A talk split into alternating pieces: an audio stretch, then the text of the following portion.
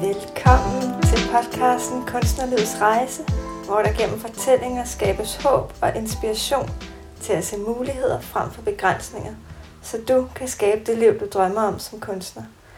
Jeg hedder Karine Kvist, og jeg er mental sundhedsmentor og din inde på denne podcast.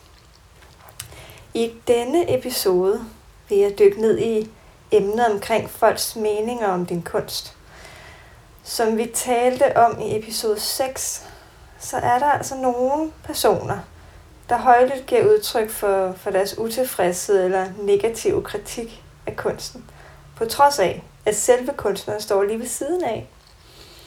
Og øh, da jeg ville forberede den her episode, så kunne jeg mærke, hvor, altså, hvor følsomt et emne det her er. Jeg kan se og mærke de følelser, der er på spil, når jeg taler med forskellige kunstnere om lignende oplevelser, som den øh, Anita fortalte om i, i episode 6. Og jeg har stor respekt for, at du som kunstner udleverer, at du udleverer og viser og sætter dit hjertebarn til skue for andre mennesker, som måske slet ikke forstår, hvilken betydning og, og hvilke værdier, der ligger i værket for, for lige præcis dig, som har skabt det. Så det har, øh, det har været en udfordrende episode at forberede for mig personligt. Men lige præcis derfor, og så fordi det her er et følsomt emne, så er det utrolig vigtigt at tale om. For jeg har virkelig også mødt personer, der sådan helt uvidende har sagt til mig, jamen øh, jeg tror da, at det er meningen, at det her værk, det skal være provokerende og ikke smukt. Men, men altså sandheden er jo, at vi aldrig rigtig kan vide, hvad kunstneren bag værket har haft af intention med værket. Først når vi er nysgerrige og interesserede i at tale sammen med kunstneren, så kan vi blive klogere. Og der er simpelthen ikke nogen grund til at antage noget på forhånd ud fra det, vi observerer. Fordi vi observerer jo vidt forskellige ting ved et værk. Fordi vi er vidt forskellige mennesker. Og det vil jeg komme meget mere ind på i denne her episode og forklare med en, jeg synes, en rigtig smuk metafor, som jeg godt kan lide at bruge til at forstå både, øh, både mig selv og, og andre mennesker.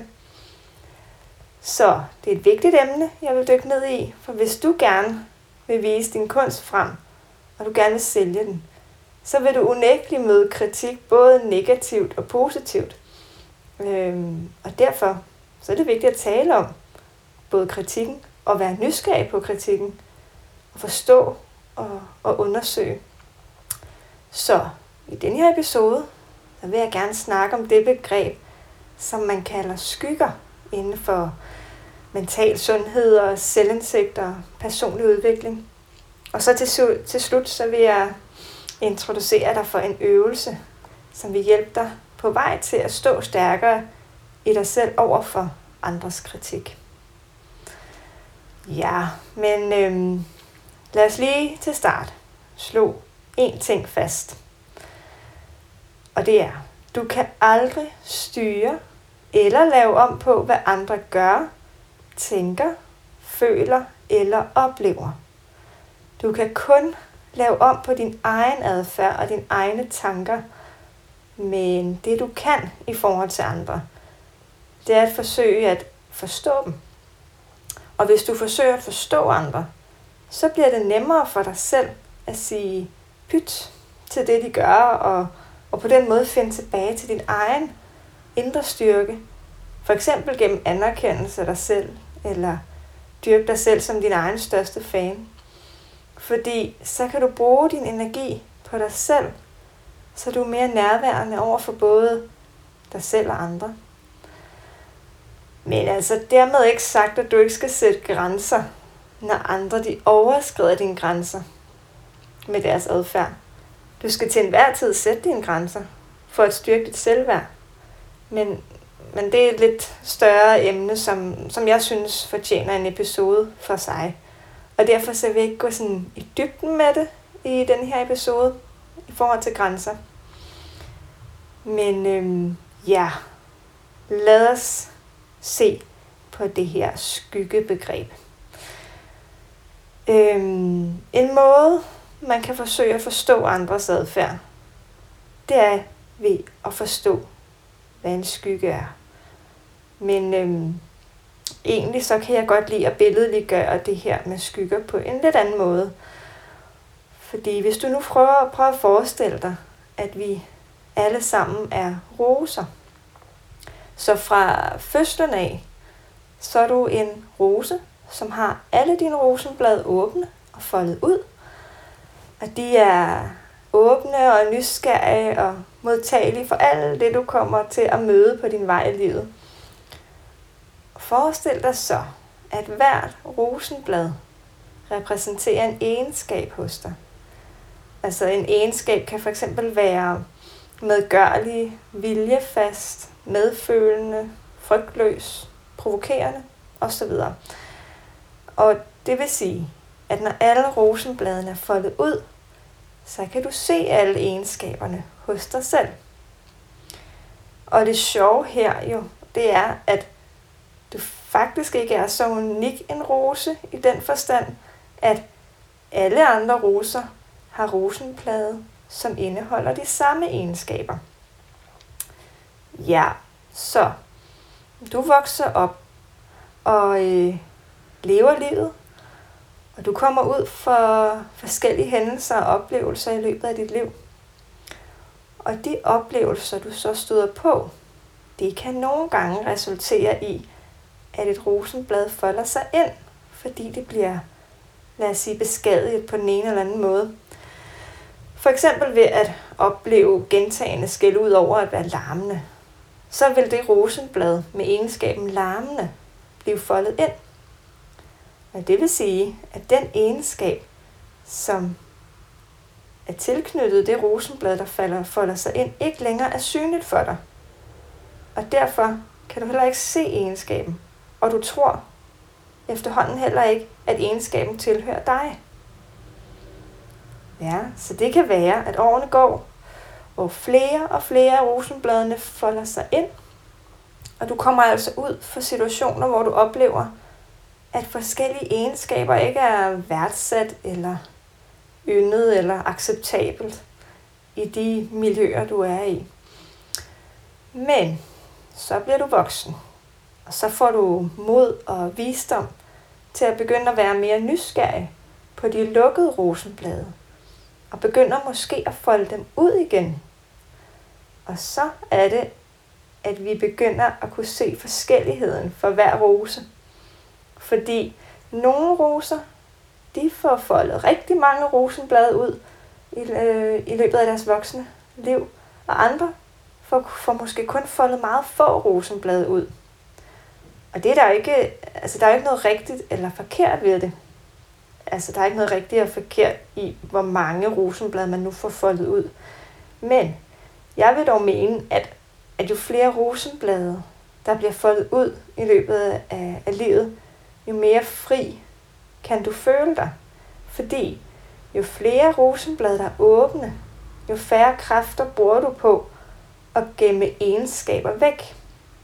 Det kræver nemlig altså, det kan godt kræve rigtig meget energi at holde rosenbladene lukkede, især i situationer, hvor egenskaben egentlig ville være på sin plads at bruge. Og, og så er det også værd at nævne, at, at selvom du kan se egenskaben, så er det ikke ens betydende med, at du skal udfolde dem og bruge dem i, i, i din adfærd over for andre mennesker i alle situationer. Fordi hver egenskab har sit unikke, fungerende bidrag til hver situation. Øhm, og lad mig lige komme med et eksempel på det, for det kan godt lyde lidt kringlet. Hvis vi nu øh, forestiller os, at øh, det kan være, at du oplever, at en person taler nedladende til din søn, og du mærker den her vrede koge op i dig, og du bliver anspændt i kroppen, der kunne øh, egenskaben konfronterende jo egentlig være på sin plads at bruge her. For du har som forælder et ansvar for at beskytte din søn og vise ham, hvordan man sætter grænser på en, en medmenneskelig måde, som man styrker selvværdet.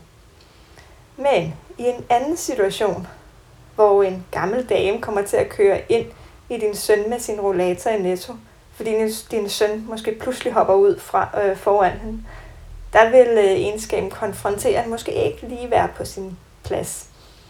Og her er det, er det måske din rolle som forælder at, være, at vise din søn, at, at forskellige mennesker har forskellige udfordringer.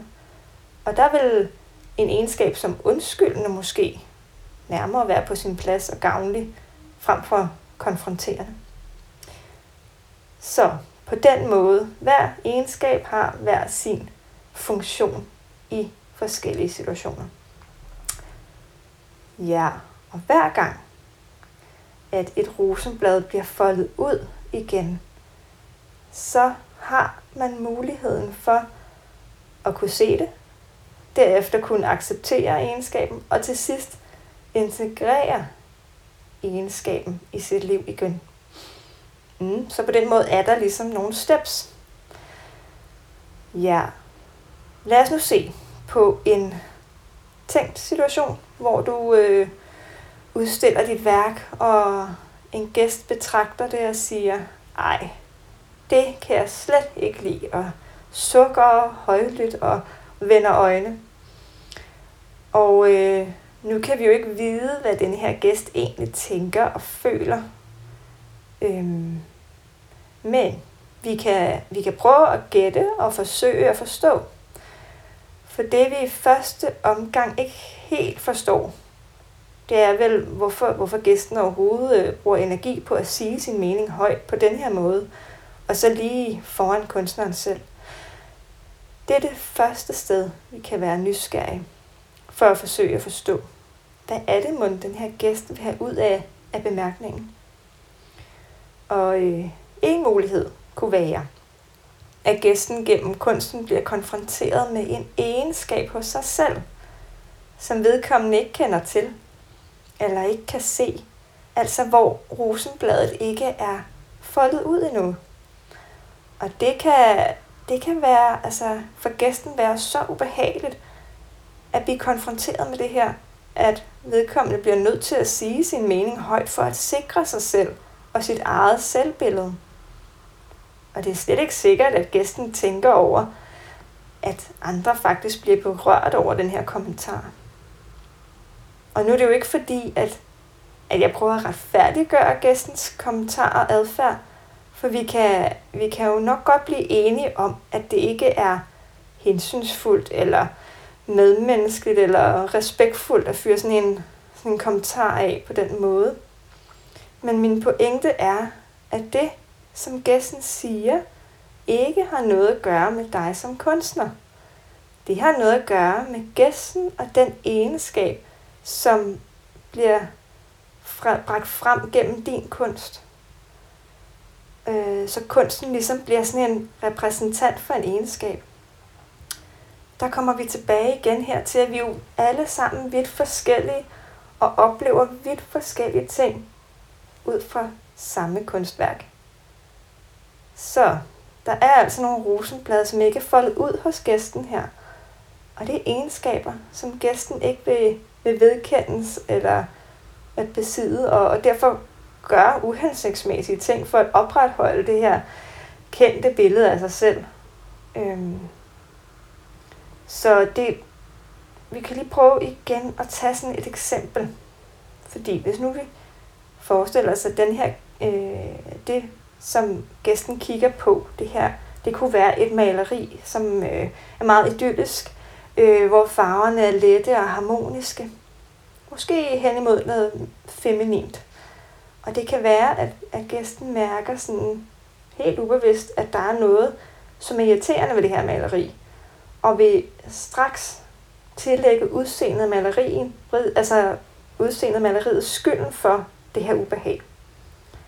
At det, men, men måske er det i bund og grund rosenbladet med egenskabet feminin, som ikke er foldet ud endnu hos gæsten, og som derfor er ubehageligt at blive konfronteret med, fordi gæsten måske savner at kunne omfavne den her egenskab lidt mere i sit liv. Men det hele sker sådan nok mere eller mindre ubevidst, så gæstens adfærd er ikke så hensigtsmæssig, og vedkommende holder sig til, altså holder sig til det kendte og trygge, øh, til den adfærd, øh, som, som vedkommende lige kender til, og det kan være at det er sådan en egenskab som bramfri. Lad os sige det. Så det er sådan et eksempel på det. Og selvom at det her eksempel er tænkt og, og bygge på formodninger, så skal vi jo stadig have en respekt for, at vi aldrig hverken kan vide eller styre, hvad andre mennesker tænker eller gør og føler. Men vi kan altid være nysgerrige og undersøgende for derigennem at opnå forståelse. Og det vil, til, altså det vil til enhver tid kunne sætte os selv meget mere fri. Fri for, for energien, vi bruger på at være sure på andre, eller forarvet over andres adfærd. For det er jo i bund og grund fjollet at bruge energi på det, øh, og bruge energi der, hvor, øh, hvor, hvor vi alligevel ikke kan ændre det eller styre det. Og jeg har også et eksempel fra mig selv, som, øh, ja, lad os, jeg vil prøve at forklare det. Der er en, en kendt dansker, hvor jeg hver gang jeg ser ham, så vækker det følelser som øh, forarvelse, irritation og, og provokation inde i mig. Og jeg kender ham jo slet ikke personligt. Så det har jo overhovedet ikke noget med hans person at gøre. Altså ham som person. Og jeg er helt sikker på, at han øh, er en virkelig kærlig og venlig og en omsorgsfuld person, hvis man kendte ham. Men jeg bliver stadig trigget hver gang jeg ser ham og hører ham. Og her er det netop egenskaberne provokerende og irriterende, som er egenskaber på, øh, på nogle af de rosenblade, som jeg endnu ikke har foldet helt ud. Og derfor så kan jeg stadig fange mig selv i øh, og sige, åh, han er simpelthen så irriterende at høre på. Eller, tænk, at han gjorde sådan der. Det kan man da ikke tillade sig. Og det er virkelig ikke noget, som jeg er stolt over, at jeg øh, har tilbøjelighed til at sige. Men, men, men det jeg så gør, det er, at jeg tager fat i det. Og jeg undersøger, hvad der, sådan, hvad der ligger, hvad der i virkeligheden ligger bag de her følelser, og er nysgerrig. Øhm, og hvorfor er det, jeg lige siger sådan her? For jeg har jo ingen, altså under ingen omstændigheder belæg for at sige, at han er irriterende. For jeg kender ham jo ikke. Og den og den adfærd, jeg bliver irriteret over hos ham, øh, det er jo altså ikke nogen adfærd, som andre synes er irriterende eller farvende. Så, så her har jeg en opgave om at se på mig selv og undersøge, hvad er det, der ligger til grund, og hvordan jeg i mit eget tempo kan acceptere egenskaberne hos mig selv og integrere dem i mit liv. Og det ligger der masser af tid at arbejde i, fordi det er vigtigt, at jeg har mig selv med hele vejen, så der ikke er nogen grænser, som bliver overskrevet i, i min personlige proces. Så øh, hvis du begynder at se på, på kritik på denne her måde, som vi har talt om nu i denne her episode, så, øh, så vil det sige, at du tager styrken hjem til dig selv. Så kan nok så mange have en mening, men du ved, at deres mening højst sandsynligt har noget med deres egne rosenblad at gøre. Og du kan også sige til dig selv, at hvad end de tænker og gør, så kan det aldrig være dig, der kan ændre deres tanker eller handlinger. Det er altid dem selv, der er ansvarlige. Og det ligger, det ligger så det næste step i at sætte grænser, når du oplever, at andre overskrider nogle af dine grænser. Øhm, så, så du kan arbejde. Det første step, det er, at du kan arbejde på at folde så mange af dine egne rosenblade ud som muligt. Så du sådan lidt efter lidt står stærkere og omfavner alle de egenskaber, som du førhen kendte til. Og så vil du blive mere og mere fri. Så øh, der kom vi lidt omkring. Og til slut, så vil jeg jo så lige introducere dig til den her øvelse, som kan hjælpe dig til at starte med at folde din rosenblad ud lidt efter lidt. Og det er en, øh, en refleksionsøvelse, som du kan gå til og fra, vil jeg anbefale. Og den guider dig til at starte på, øh, på det her arbejde med at finde dine egenskaber. Find de egenskaber, en egenskaber, som du ser tydeligt lige nu, og hvilke egenskaber du ikke ser hos dig selv. Og så har jeg så koblet den her situation på omkring andres kritik af din kunst, så du kan blive mere fri og tage styrken tilbage til dig selv. Så øhm, jeg har lavet et arbejdsark med øvelsen, og den kan du, øh, det kan du hente kvitterfrit via det link, der er lagt ind i show notes. Og øh, hvis du har spørgsmål eller andet til øvelsen, så er du altid mere end velkommen til at skrive til mig, enten over mail eller på Instagram. Og det finder du også direkte link til i show notes. Ja, og ellers så har jeg ikke så meget mere at sige for nu, end at øh, jeg ønsker dig alt det bedste, og jeg glæder mig til, at vi lyttes ved igen. Hej!